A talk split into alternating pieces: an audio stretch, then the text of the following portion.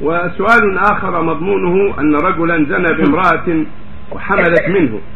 ما الحكم في المولود إذا كان ولدا أو بنتا ثم عقد عليها بعد ذلك؟ وهل المولود ينادى بأبيه؟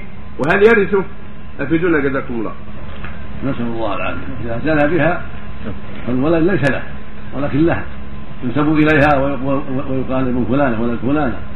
أو ينسب إلى عبد الله أو عبد الرحمن ولا ينسب إلى الزوج الزوج إلى الزاني لأن ليس بزوج إنما هو كيس مستعار خبيث فعل المنكر فلا ينسب إليه بل ينسب إلى المرأة أو تنسبه إلى عبد الله لأن الناس كلهم عبيد الله ولا ينسب إلى إلى هذا الزاني أبدا ونكاحه باطل إذا تزوجها وهي حامل يكون نكاحه باطل.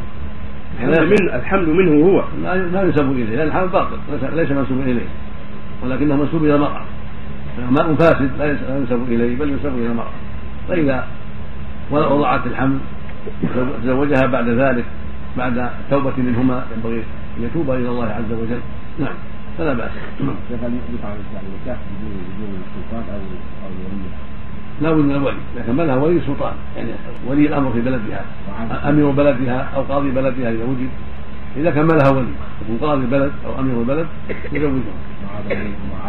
إذا كان إذا كان لها ولي لا أب ولا أخ ولا عم ولا ابن عم.